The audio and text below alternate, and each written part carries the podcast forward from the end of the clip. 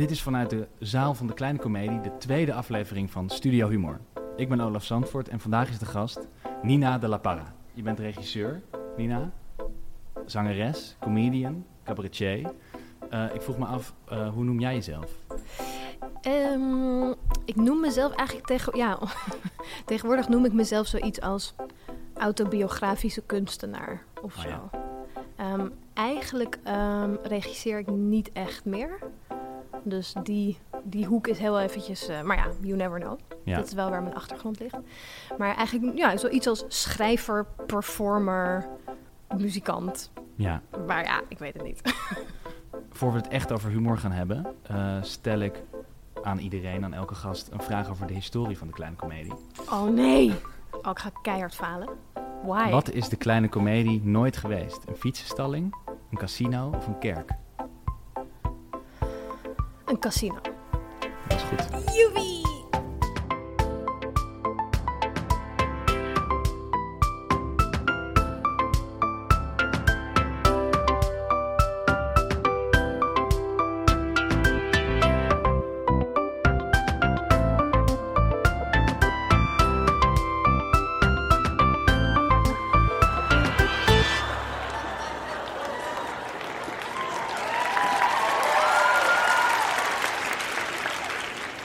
Wat is humor?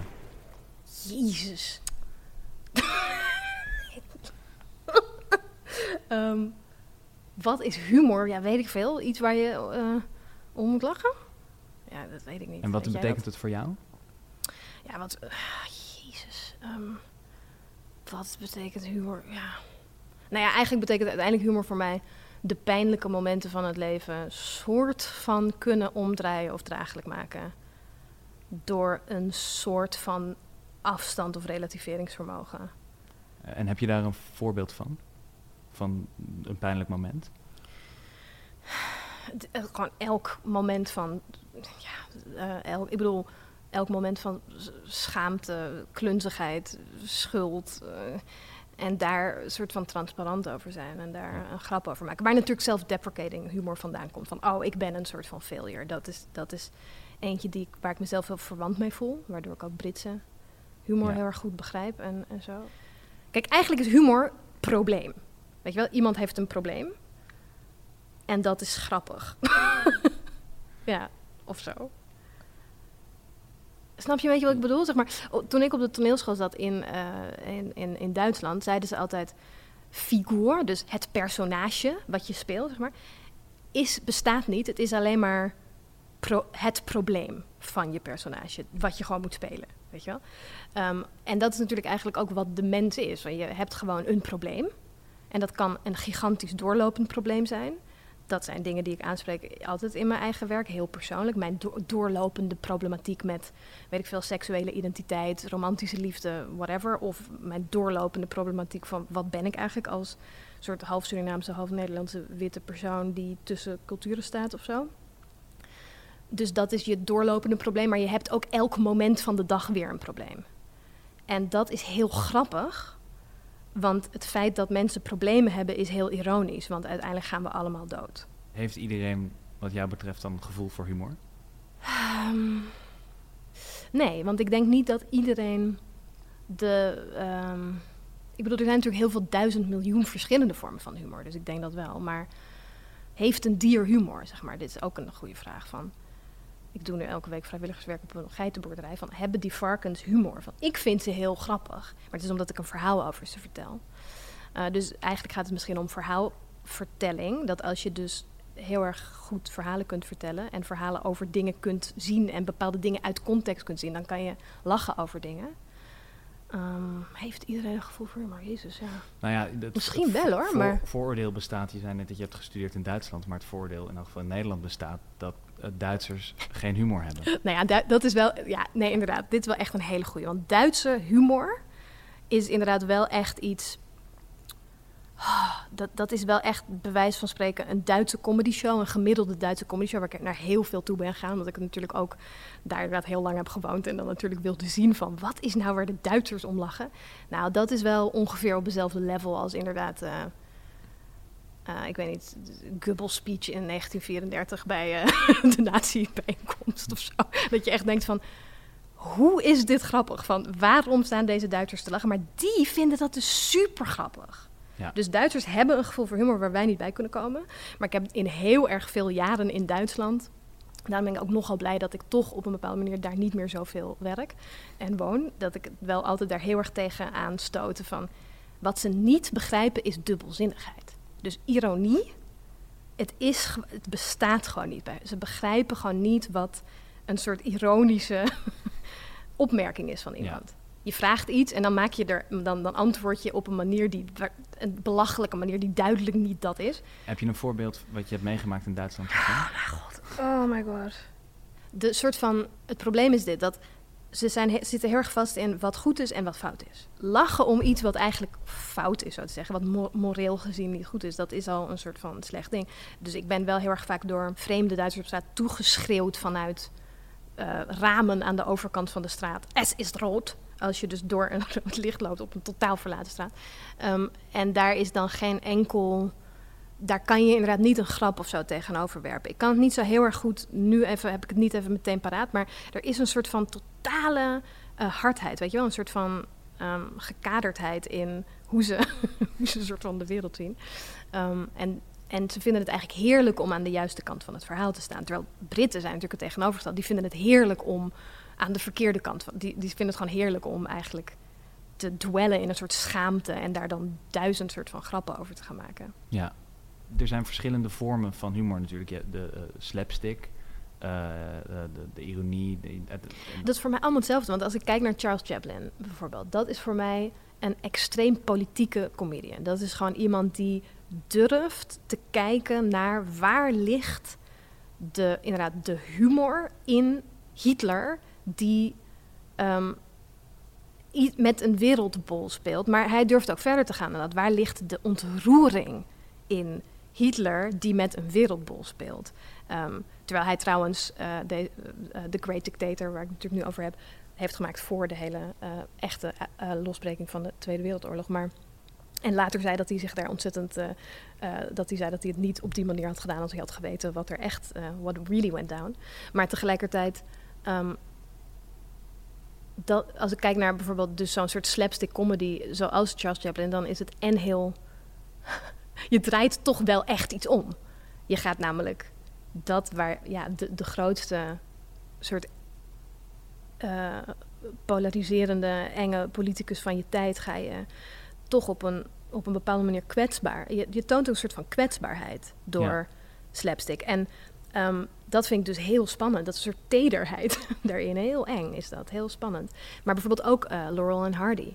Uh, dat is voor mij ook een soort van... Kijk hoe klunzig we zijn. Als ik kijk hoe zij een of ander sketch doen en um, alles gaat fout en zo. Maar dit is briljant gedaan natuurlijk dan, dan herken ik iets in mezelf. Dus het is ook altijd een herkenning van of het nou slapstick is of, uh, of ja, Monty Python. Ja, het is natuurlijk allemaal uiteindelijk is natuurlijk de, de, de comedy ook een, uh, een bepaald, nou ja, toch eerder vakmanschap en later en ook gedurende de tijden vakvrouwschap. Um, geworden waar je heel erg kan kijken door de geschiedenis. Iedereen bouwt weer op elkaar. Weet je wel? Je hebt natuurlijk Lauren Hardy en dan heb je Charles Chaplin, dan heb je Peter Sellers en zonder die was weer die niet geweest en zonder die was weer die niet geweest. En Monty Python en we kijken natuurlijk ook allemaal van elkaar af. Ja, en, en wat is de, de grens van de grap?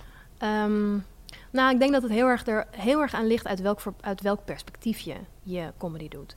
Het is een verschil voor mij als je een grap gaat maken over diegenen die sowieso al niet de kans hebben om zelf hun bek open te trekken. Dat is voor mij altijd een verschil. Dan kan het nog steeds grappig zijn, maar ik vind wel dat het een heel groot verschil is in perspectief. Uh, dus ik heb het even over: jij bent een, uh, uh, een witte, geprivilegeerde, misschien in, in dit geval man-persoon. En je gaat dan een grap maken over eigenlijk alle andere groepen op de wereld die worden gemarginaliseerd. Nou, het kan. Dat kan heel grappig zijn. Het ligt er heel erg aan of je jezelf ook kwetsbaar durft op te stellen. En misschien niet eens daarom. Het kan ook nog steeds heel grappig zijn. Ja. Alleen toch is het voor mij, merk ik wel, meer politiek. Van ik, ik kijk toch wel heel erg meer naar de comedians waarvan ik het gevoel heb van... jullie zijn je bewust van de tijd waarin je leeft de persoon die jij inneemt met dit lichaam, met toevallig deze huidskleur, met toevallig deze uh, seksuele voorkeur, gender identity, whatever.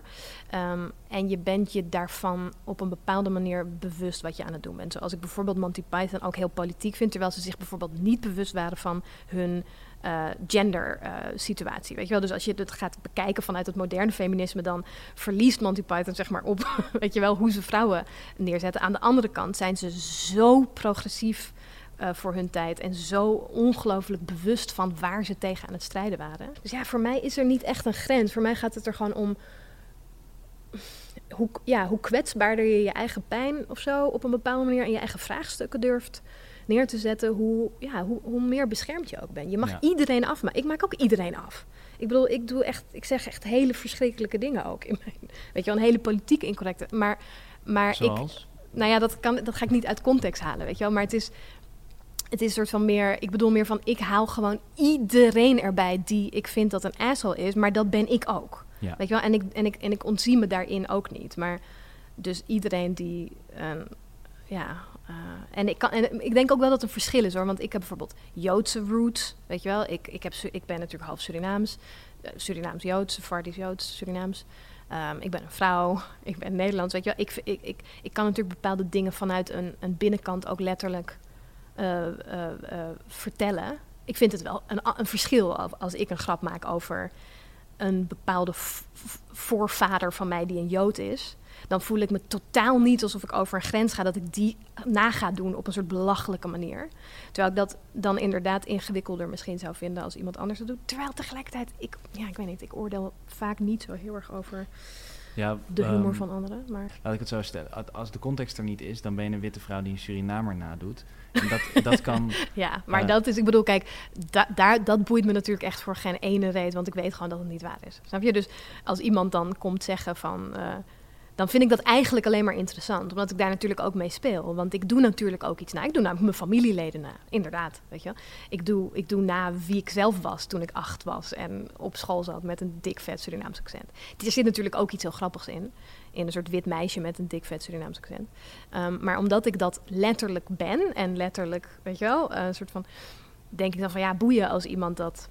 Uit context niet begrijpt. En dat is ook wel eens gebeurd hoor. Maar daar zijn dus juist, dat is juist ook interessant. Want daar zijn dus ook juist hele interessante gesprekken uitgekomen. Dat inderdaad ik voor het slavernijmonument in het Oosterpark stond om wat promofilmpjes op te nemen voor mijn tour. En ik stond daar met een soort van Surinaamse track, een soort joggingbroek of zo. Met de Surinaamse vlag stond ik en van de Stranantongo dingen te vertellen. En toen kwam er een man uh, inderdaad aanlopen, een Surinaamse man, die dus uh, in het Stranantongo dingen begon te schreeuwen tegen mij. Die ik dan dus kon begrijpen als wat de fuck doe jij, jij witte bitch, weet je? Omdat hij dacht, er is een of andere blonde vrouw die hier iets komt doen over Surinaams zijn of, of iets voor het slavernijmonument. Um, en toen hadden we een heel interessant gesprek. Toen ben ik een beetje met hem gaan praten. En een beetje zo half, weet je, kan een heel klein beetje, weet je, kan gewoon een beetje stranang. Een beetje van, hé hey, jongen, ik ben half Surinaams. En, weet je wel. en toen was hij helemaal om meteen. En toen werd het een heel ander gesprek. Maar ja, tegelijkertijd, ja, het is ook altijd die grens opzoeken is natuurlijk juist wel in dat opzicht vind ik eigenlijk ook de opdracht van het zijn van een comedian of hoe je het ook wil benoemen of iemand die werkt met comedy. Ik vind wel echt dat je voor jezelf heel erg moet zoeken naar wat zijn voor jou de thema's in het leven die ertoe doen. Waar zit je eigen blinde vlek en hoe gaan we die, weet je wel, nu... Je, je vertelt nu over dat je wordt aangesproken in het Oosterpark. Is er dan een moment dat je, dat je daardoor uit het veld geslagen bent? Nee, nee, totaal niet. Nee. Ik, ik bedoel, ik vind het natuurlijk wel interessant. En, maar ik ben, ik ben natuurlijk ook niet gek. Ik bedoel, ik weet natuurlijk ook hoe ik eruit zie. En ik weet ook dat het al een provocatie is op een bepaalde manier. Terwijl het ook niet een provocatie is. Maar laten we zeggen, ik weet dat het een provocatie kan lijken als ik daar sta. Dus het is voor mij ook niet, niet verrassend dat er dan iemand komt. Ik weet natuurlijk, van, ik weet gewoon als persoon die, die heel erg veel banden heeft met, de, met uh, Surinaamse Nederlanders, met Surinaamse Surinamers, die een heel grote band heeft met Suriname, het land. Ik weet heel erg, ik, ik weet en, uh, en voel gewoon heel erg wat het probleem ook is tussen uh, zwarte Surinaamse Nederlanders en witte Nederlandse Nederlanders. um, dus ik weet heel erg goed waar dat vandaan komt. En ik vind ook dat die in dat opzicht ook dat gewoon mag doen en moet doen en, en, gelijk heeft. En weet je wel, van we moeten gewoon in een discussie gaan. Maar het toffe is dat als iemand dan in staat is om die discussie aan te gaan en, en überhaupt te luisteren, dan is het natuurlijk super gaaf. Nee, dus ik voel me daardoor niet. niet uh... Ben je zelf wel eens beledigd? Artistiek of privé? uh. In je show slecht, jongen. dat is een andere belediging dan... Uh, ik maak het uit met je omdat je uit je mond stinkt. That didn't happen. I just made that up. Maar... Um, or did I? um, ik ben... Ja, natuurlijk ben ik wel eens beledigd in mijn leven. En door een grap? Oh, ben ik wel eens beledigd door een grap? Oh, dit vind ik een leuke. Ja, ik ben inderdaad wel eens beledigd door een grap. Inderdaad. Beledigd is misschien niet helemaal het goede woord, maar meer dat ik dacht, oeh, jammer. En, en wat, wat, wat was deze situatie? Nou, dat zijn, vaak, dat zijn vaak dingen die toch te maken hebben met mannelijke witte comedians. Ik kijk gewoon heel erg veel comedy en dingen. Uh, Engelstalig, Amerikaans, weet je wel, Amerikaans, Engelstalige, Australisch, whatever. Ehm, witte mannen die toch op een bepaalde manier gaan praten over vrouwen of over ehm, bijvoorbeeld menstruatie. Uh, en dit gebeurt ook in Nederland. Dat heb ik ook heel vaak meegemaakt in stand-up comedy shows. Uh, dat er gewoon een soort go-to grap is van mannen. En dat hoeven trouwens dus ook niet eens witte mannen zijn, gewoon men. Oké, laat, ik het nog beter zeggen. Mensen zonder baarmoeder. um, die grappen gaan maken op een soort hele vanzelfsprekende manier over... Oh, ik, ben, ik moest vluchten naar de comedyclub, want mijn vriendin is weer thuis weer ongesteld en zo irritant. En alles is gewoon een pitbull met lipstick en weet je wel. En al die grappen en dat is een soort van vanzelfsprekend. Dan moet ik wel echt zeggen van, dan ben ik niet beledigd, want ik voel me niet beledigd al in mijn soort als vrouw. Maar ik denk meer, wat jammer. Dan word ik meer boos op, niet op die gasten, maar gewoon op het feit dat bepaalde dingen zo worden doorverteld en, zo, en zeg maar bepaalde problematiek die we gewoon juist moeten aanspreken uh, en die zo te maken heeft met een, een, een heel diep geworteld soort vanzelfsprekende manier van praten over vrouwen en over soort van vrouwenproblemen.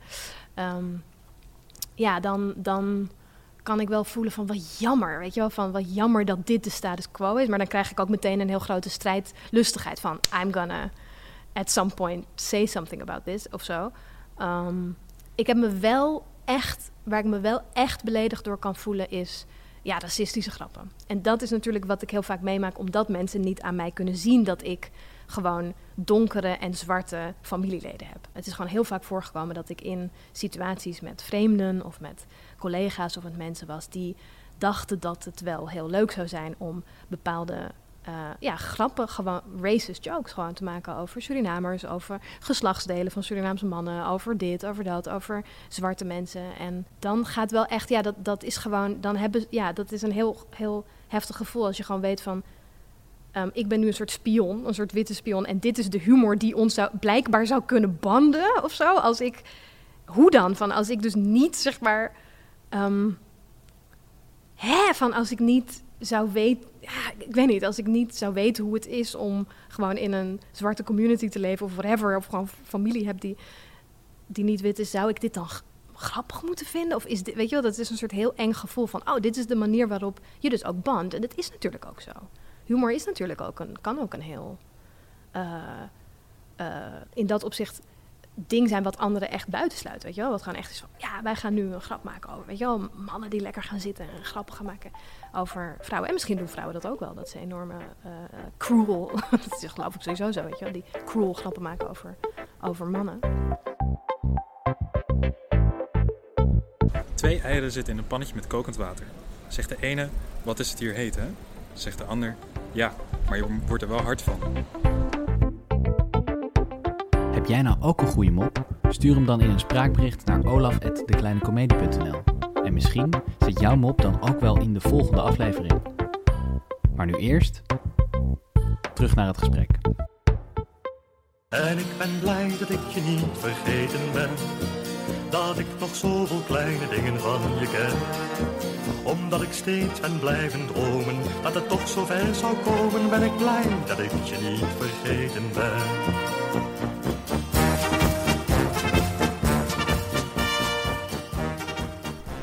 Dit was Joost Nuisel, oud-directeur van de Kleine Comedie. Van wie ben jij blij dat je die niet bent vergeten? Oftewel, wie is jouw grootste inspirator op het gebied van humor? Nou, grappig genoeg is mijn broer, die dus is overleden, die was ook een enorme inspirator voor mij op het gebied van humor. Omdat dus zijn soort van houding in het leven heel erg was van gewoon altijd een grap maken.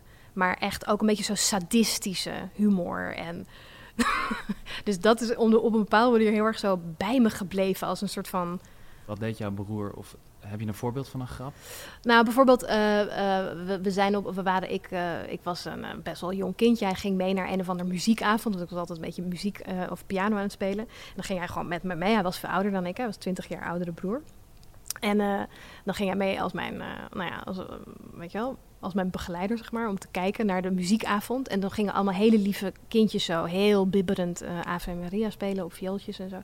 En ik ging daar ook beetje spelen. En op een gegeven moment uh, viel er dan tijdens zo'n heel zielig dwarsfluit uh, stukje van een kindje...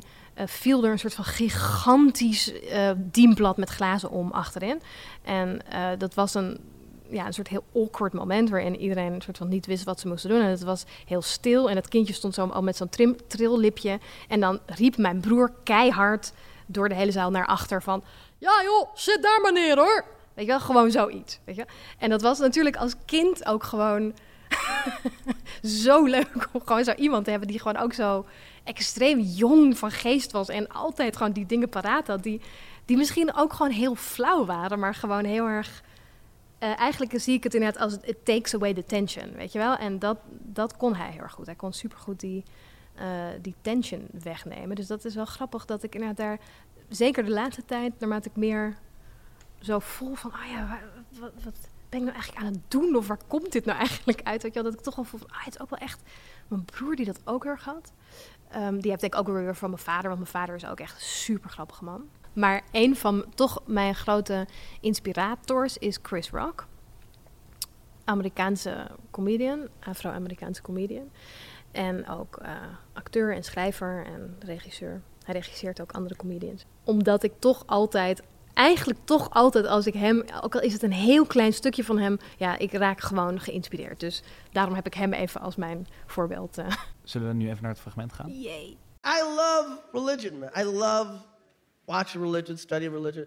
The, the, cool thing about religion is like no matter who you pray to, no matter what, what you study, every religion follows one basic premise, one basic idea that every religion follows. And that, and that premise is God doesn't make mistakes. Every religion believes that. Everybody. God does not make mistakes. I say, God does not make mistakes. Okay. God don't make no mistakes. That's that's okay. That's that's pretty am- ambitious thing to say. No mistakes.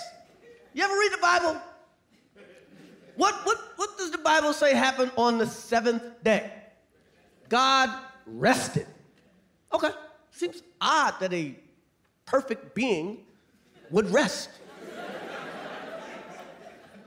Let me ask you a question. Have you ever been performing a task?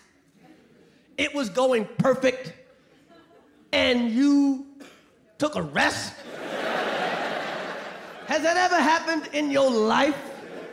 No! That has never fucking happened to you.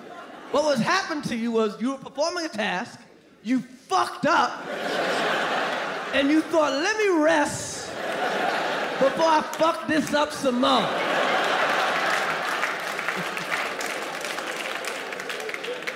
God doesn't make mistakes. Hush your mouth. God made plenty of mistakes. You ever see a porcupine? Can't eat it, can't hug it. It's ugly, sticky, shitting all over the place. Mistake.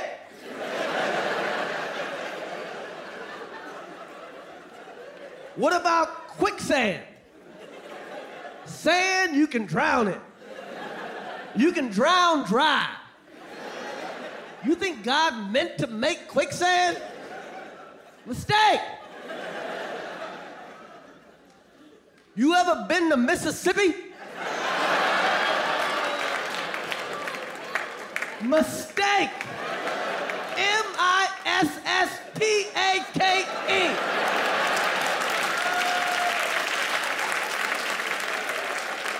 Fucking kidding me? Just a big hunk of racist dirt. Fucking Mississippi. I was there a couple of months ago. I couldn't even tell what year it was. That's how fucked up and ghetto that shit was. Like, god damn. You know what Mississippi's like? You know, like when you go to the Caribbean? You know, like when you go to the Caribbean, you land and you get in that van, that drive, that scary ass drive from the airport to the resort, and you're looking out the window, you're like, what the fuck? What the fuck is this shit? Oh my God! Whoa! You see little kids eating dreadlocks?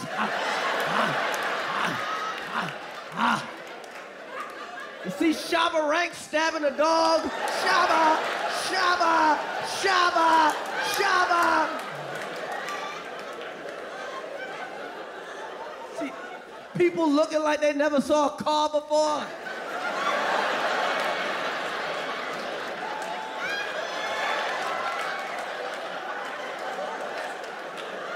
Will, Will. And then you get to the resort and you're like, Jamaica's nice.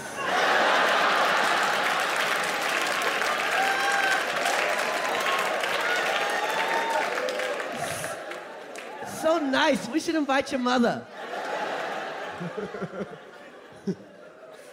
Shit. They give you one pina colada and you forgive the worst poverty you've ever seen.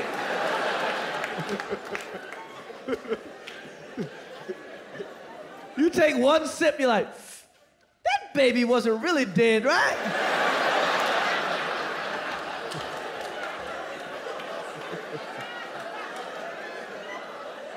I can't wait to jet ski. Ja, wil je er iets over zeggen?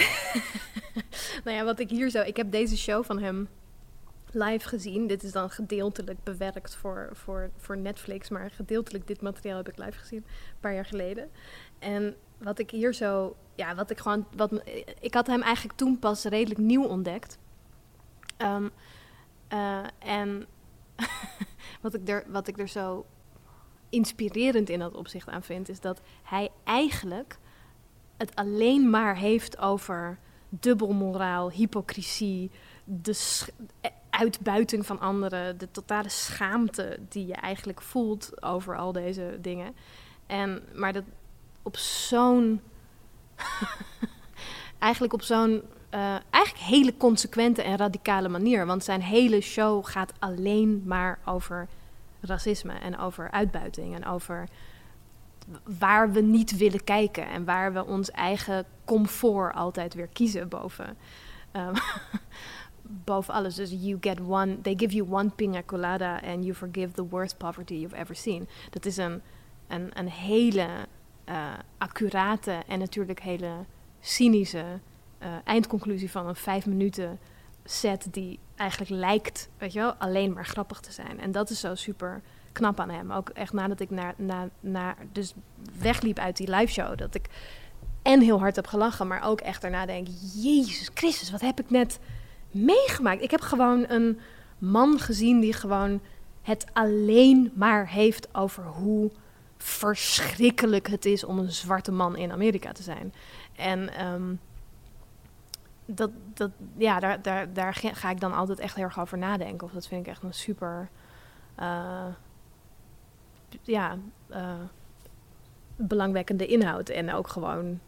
Daar word ik dus heel warm van het komt ook heel um, cynisch op mij over. Niet, niet, um, niet dat ik uh, vind dat, hij, dat, dat het ver, verkeerd is wat hij zegt of zo. Maar dat hele stuk over Jamaica is, is ontzettend cynisch. Ja. Het is het blootleggen van systemen waar we allemaal in zitten en waar we allemaal deel van zijn. En de, de momenten dat we we turn a blind eye, weet je wel. En hij laat dat eigenlijk constant zien met alles en met al zijn, met al zijn thema's. En dat, dat is voor mij dus, laten we zeggen, cynisch. Ja, misschien. Of laten we zeggen, dat heeft dan voor mij nog een bijna negatieve connotatie. Maar voor mij is het een enorme opluchting om iemand te zien die dubbelmoraal en hypocrisie durft bloot te leggen. En ik lach dan door mijn eigen schaamte heen. En daarna. ehm, ja, ga ik weg en ik, en ik denk daar dan over na. En ik ben dan ontzettend dankbaar, omdat ik hem dan, dan dus bijna meer een denker vind. Weet je wel? Iemand die gewoon echt heel goed kan denken over. Wat, wat doet die lach dan met deze, eh, eh, die bij deze boodschap hoort? Of hoe die het brengt? Dat- Nou ja, hoe die hem brengt is natuurlijk zo. eh, dat kan je natuurlijk op het audiofragment niet, niet horen. Maar het is ook zijn delivery in zijn gezicht. Is ook, weet je, hij, hij herhaalt ook heel vaak dingen. Wat hij eigenlijk doet in zo'n vijf minuten opbouw is. Hij gooit er allemaal echt hele grappige dingen tussendoor. die he- helemaal niet. Ehm, laten we zeggen, ze zijn altijd kritisch als je verder gaat kijken. Want zelfs dat hele ding in het begin is natuurlijk heel kritisch naar God toe. Van, en naar alle eh, eh, pijn die de, de, de religieuze eh, ehm, lui weer hebben aangebracht als het gaat over racisme en over het, het geloven van dingen zonder zelf je eigen gedachten erover te vormen. Dus ook daar is hij kritisch. Maar als hij dan zo'n zo'n zwarte priester nadoet, dan is het gewoon, je schiet gewoon in de lach. Ehm, in ieder geval ik, omdat ik dat ook heel goed ken, weet je wel, dat soort bijeenkomsten. En je gewoon dat herkent en hij doet het op een bepaalde manier liefdevol. Dus hij gooit er een soort van grappen doorheen, waardoor je dus je opent in de lach. Dus de lach heeft dan daar de functie dat hij, je gaat gewoon mee, je opent je. En dan komt hij dus op het einde ineens met, met gewoon eigenlijk één zin die gewoon zo... Oh, ehm, en hij, hij zweept je ook op, weet je wel. Hij kan je ongelooflijk opzwepen, waardoor je mee, meelacht met dingen. En uiteindelijk heeft hij altijd die steek. Hij heeft altijd die steek. En uiteindelijk gaat het er gewoon echt bij hem eh, dan veel meer om... hoe gaan we onze maatschappij anders inrichten? En hoe, eh, ja, hoe, hoe, hoe gaan we anders nadenken over systemen en over government? Maar voor mij is dan de, de lach eigenlijk de opening. Weet je wel, de opening waardoor je je kunt openen naar je eigen ja, schaamte of herkenning of zo. doe jij dit ook?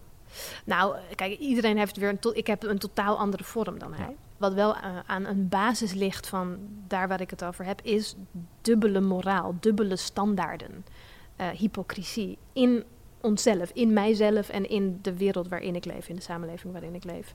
Ehm, wat dus eigenlijk meerdere samenlevingen zijn, want ik leef in Noordwest-Europa, maar ik heb ook een heel erg grote band met Suriname. Ehm, maar eigenlijk naar alle werelden waar ik in leef te kijken en te, te zien waar begrijp ik de dingen niet. Daar gaat het om. Waar, waar begrijp ik gewoon de bepaalde dingen niet. Net als wat hij in dat opzicht voor mij op dezelfde manier zich afvraagt. Ik begrijp ergens niet hoe het kan dat je naar een duur resort gaat in een duidelijk geëxploiteerde soort postkoloniale soort toestand en daar waanzinnige poverty ziet op straat en dat dan weer kan vergeten. Dat is een soort van voor mij eigenlijk een vraagstuk. Alleen zijn vorm is anders dan hoe iemand anders het zich zou afvragen. Dus in dat opzicht voel ik een, een, in dat opzicht heel erg een verwantschap met die, met die inhoud, met dat blootleggen van schijnheiligheid, laten we zo zeggen. En, maar ik doe, het, ik doe wel heel veel persoonlijker. Dus ik ben een, een veel meer autobiografische kunstenaar in dat opzicht. Dus ik, eh, oké, hoe vaak heb ik al autobiografische kunstenaar gezegd? Maar ehm, ik ben in dat opzicht veel meer dat ik mijn eigen verhaal, ik neem mijn eigen verhaal als het basisstartpunt. Ehm, of ik neem een ander verhaal als standpunt, maar het komt altijd weer op mezelf terecht. En ga heel erg onderzoeken waar, waar zijn de, de totale tegenstrijdigheden in mezelf. En waar kies ik mijn eigen, ja, ik weet niet. Ja, is, is, die, is die dubbele moraal waar je het over hebt en dat, dat niet begrijpen van de wereld, is dat hetzelfde? Dat, dat, dat, dat je die dubbele moraal niet, dat je niet begrijpt hoe dat is ontstaan, of tenminste niet begrijpt, maar dat, dat je eh, je afvraagt en dat je daar iets mee doet? Eh, dat, even kijken, dat weet ik niet precies of dat precies hetzelfde is. Ehm, ehm, het, het, het grappige is gewoon meer dat op het moment dat ik mezelf dingen ga afvragen, dus alle grote existentiële vragen die ik de hele tijd stel in mijn leven en die dus ook dan in mijn voorstelling terechtkomen of in waar dan ook wat ik maak, eh, die blijken heel vaak te gaan over dubbele moraal. En bijvoorbeeld dubbele seksuele moraal, daar, daar ben ik ook heel erg gewoon geïnteresseerd in. Waarom zijn er verschillende standaarden en verschillende verwachtingen voor vrouwen en voor mannen en voor die en voor die? En wat heeft dat te maken met sociale klassen? En, en waarom zijn er verschillende verwachtingen aan Surinaamse Nederlanders dan aan Nederlandse Nederlanders? Waarom zijn er verschillende, verschillende dingen tegelijkertijd? Weet je wel, die we. Dat, dat is eigenlijk wat ik bedoel met dubbele moraal. Van waarom kan je voor éénzelfde criminele offense een verschillende straf krijgen, geacht hoeveel geld je hebt of wat je. Gewoon alle vormen van ehm, dingen die dubbel zijn of zo. En, maar voornamelijk in denken en in. ehm, maar ik vraag me ook heel erg veel dingen af die niet uiteindelijk daarop landen. Maar dat is wel een beetje de link met, met Chris Rock. Waardoor ik altijd wel heel erg grote affiniteit voel. Van, oh ja, als het over politieke dingen gaat of over eh, de, de grote vraagstukken in het leven, dan I really share that. Ik denk ook omdat ik toch uit een Afro-Caribische achtergrond ook deels kom. Humor is hier in dit geval een smeermiddel tussen die dubbele moraal die je net bes- beschrijft. De, de, de man, vrouw, zwart-wit, eh, wat je, dat dat rijtje wat je net opnoemde. En als je dan, is dat dan ook die belediging die je voelt als iemand met humor het weer op een bepaalde manier doet of juist bijdraagt aan, aan, die, dubbele, aan die dubbele moraal? Ja, nu je dit zo zegt, denk ik dat dat wel zou kunnen kloppen. Dat er eigenlijk, ja, misschien is het, is het inderdaad een moment dat ik dan zo, inderdaad zo'n licht gevoel van, nou ja, belediging of van, hmm, jammer heb eh, bij inderdaad een comedian, is misschien als ik voel dat de kritiek er niet. Het is, het is niet kritisch op de plekken waarnaar we kritisch moeten zijn. Snap je van, we moeten niet kritisch zijn naar hoe irritant het is dat vrouwen menstrueren en thuis moeten zitten als ongesteld. Waar we naar moeten kijken is waarom we in een samenleving leven die niet om kan gaan met het feit dat meer dan de helft van de wereldbevolking elke maand uit de genitaliën bloedt. En wat dat betekent en waarom daar zo'n schaamte over ligt. Dat is een super belangrijk thema. Maar het is inderdaad, dat is zeg maar het verschil tussen iets kritisch benaderen en iets. Maar is het dan wel belediging dat je voelt? Want je, je twijfelt er volgens mij zelf ook al over. Maar Ja, omdat ik het woord belediging, omdat ik zo vind dat iedereen maar zo beledigd is de hele tijd. En, en dat, dat iedereen ook maar zo het recht voelt zich de hele tijd om beledigd te zijn over van alles. En ik, ik deel dat niet zo heel erg. Ik, ik denk dat, dat we er ook heel erg, veel, heel erg gebaat bij zouden kunnen zijn om iets minder dingen persoonlijk te nemen. En zeker als het uit de, de, mond van een politicus komt of een comedian. Of het zijn nog steeds mensen in functie. Voor mij is het niet een soort van Weet je wel, je bent, je bent als, als elke kunstenaar die op een, op een podium gaat staan... en dan ben je misschien als, als politicus in dat opzicht ook een kunstenaar. Je bent een, in een functie, je bent een rol aan het bekleden. Het is niet een soort privé ding. Ik vind, ik vind dat, dat je altijd moet zien wat... Iemand is gewoon ook maar politicus geworden... en moet ook maar ergens op een persconferentie iets zeggen... zodat hij zijn baan niet verliest, weet je wel. Van. Dus voor mij neem ik het allemaal niet zo in dat opzicht heel persoonlijk, nou ja, zeg ik nu, totdat ik op een dag zelf totaal beledigd word door dat ik dat zo beledigd, weet je wel. Maar dus daarom schuw ik gewoon een beetje weg van het woord beledigd zijn. Het is meer, En dat het- zoals je het net beschreef, lijkt het meer een soort ergernis dat je, Ja. dat je ni- iemand niet zijn best ziet doen. Maar nu vul ik het voor je in. ja, dat is het ook misschien wel, ja. Dat, ja, meer een soort van, ah, ah, weer een dude die komt klagen over dit. Of ah, weer een man die als vanzelfsprekend op een podium komt vertellen over met hoeveel vrouwen die naar bed gaat. En als ik hetzelfde doe over mannen, dan is het meteen van, nou, nou, ze is wel, eh, wel promiscuur, hoezo? Ik doe gewoon precies hetzelfde en ik vertel dat, weet je. Dus Ja. dat, is, dat is inderdaad misschien meer een soort van... Ja, en over het verschil tussen politicus en kunstenaar. Je, want je, je, je, ehm, je beschreef dat net alsof dat die, bij, dat die misschien dat er een overlap in bestaat. Maar denk je niet dat het, ehm, is het is het verschil niet juist heel belangrijk? Dat, eh, dat een politicus dus zegt wat hij vindt en een eh, kunstenaar, of eh, Chris Rock in dit geval. een vorm vindt om te zeggen een, wat hij een, vindt. een vorm, maar Ik weet niet. Ik, ik zie politiek niet zo als, als mensen die per se echt zeggen wat ze vinden. Ik geloof dat helemaal niet. Ik zie ze gewoon als mensen in een, een bepaalde functie. En, en ik denk altijd, holy shit, als ik in die functie zou zitten... nou, dan zou ik echt ook binnen eh, 36 uur de meest grote bullshit komen uitkramen. Dus ik denk eigenlijk dat de kunstenaar veel eerlijker is over wat hij echt voelt en, en denkt. En dat dat natuurlijk in dat opzicht juist het verschil is. Ik denk eigenlijk dat, dat kunstenaars eigenlijk de enige zijn die echt kunnen zeggen wat ze vinden. En inderdaad, wat jij zegt, met het smeermiddel van hun kunstvorm, wat dan in dit geval is humor of comedy. Ehm, maar ehm, ik weet niet, ik zie toch wel heel erg veel overeenkomsten met ehm, niet politiek activisme en politieke daden per se, maar ik vind bijvoorbeeld Michelle Wolf, de eh, hele toffe comedian ook, die ehm, op de, ehm, op de White House press, eh, weet je, jaarlijkse pressbijeenkomst. eh een, een soort van 10 minuten lange, of nee, langer, een 20 minuten lange roast ging doen van iedereen in de White House die aan de kant van Trump stond. En al die kranten die eigenlijk alsnog ehm, aan zijn kant stonden. En zij begon gewoon iedereen daar te roosten. Dit was iets van, weet ik veel, vijf jaar geleden of zo. Ehm, ik zie dat als een, als een politieke act. Maar als een per ongelukke politieke act. Want ja, ik bedoel, zij hebben deze comedian geboekt. Dus de White House is uiteindelijk verantwoordelijk voor het feit dat je een comedian gaat boeken. Die gewoon daar iedereen komt roosten. Uh, maar dat, dat filmpje was op een bepaalde manier, vond ik, een, een, een vorm van ja, een soort van haar set. Daar was een vorm van politiek activisme eigenlijk. Um, maar dat is mijn interpretatie ervan. Uiteindelijk was het een supergoeie comedy set en was het gewoon heel erg grappig. Maar de basis ervan lag in de kritiek aan wat er gaande is in een totaal corrupt en schijnheilige groep mensen die altijd hun eigen hachje willen redden. Dus ik denk dat ik daar gewoon heel erg geïnteresseerd in ben als het gaat over, weet je wel, uh, um, misschien Amerikaanse comedians die zich op een bepaalde manier uiten. Is dat het belang van humor? De um, ondermijning of, in, of de. Nee, ik denk niet dat er één, één soort van hoofdbelang van humor is. Want daarmee maak je het ook weer, weet je wel, van daar moet je dan aan voldoen en anders ben je geen. Uh... ik, ik bedoel, ik vind het ook super grappig als iemand zich ver weghoudt van wat voor uh, politieke statements dan ook. Dat kan, dat kan ook heel grappig. Dus dat is niet voor mij. Maar het is wel, als ik kijk naar wat mezelf aantrekt in humor en in mijn eigen kunstvorm, heeft het wel ermee te maken met een soort van. Ik weet niet, het heeft ook mee te maken. Alleen maar door om mezelf te kunnen lachen en dingen om te kunnen draaien in mezelf, kan ik de grootste pijn in mezelf blootleggen. Snap je, dat bedoel ik een beetje met omdraaiing. Of snap je, ik, Ja. kan, niet, ik kan niet op een andere manier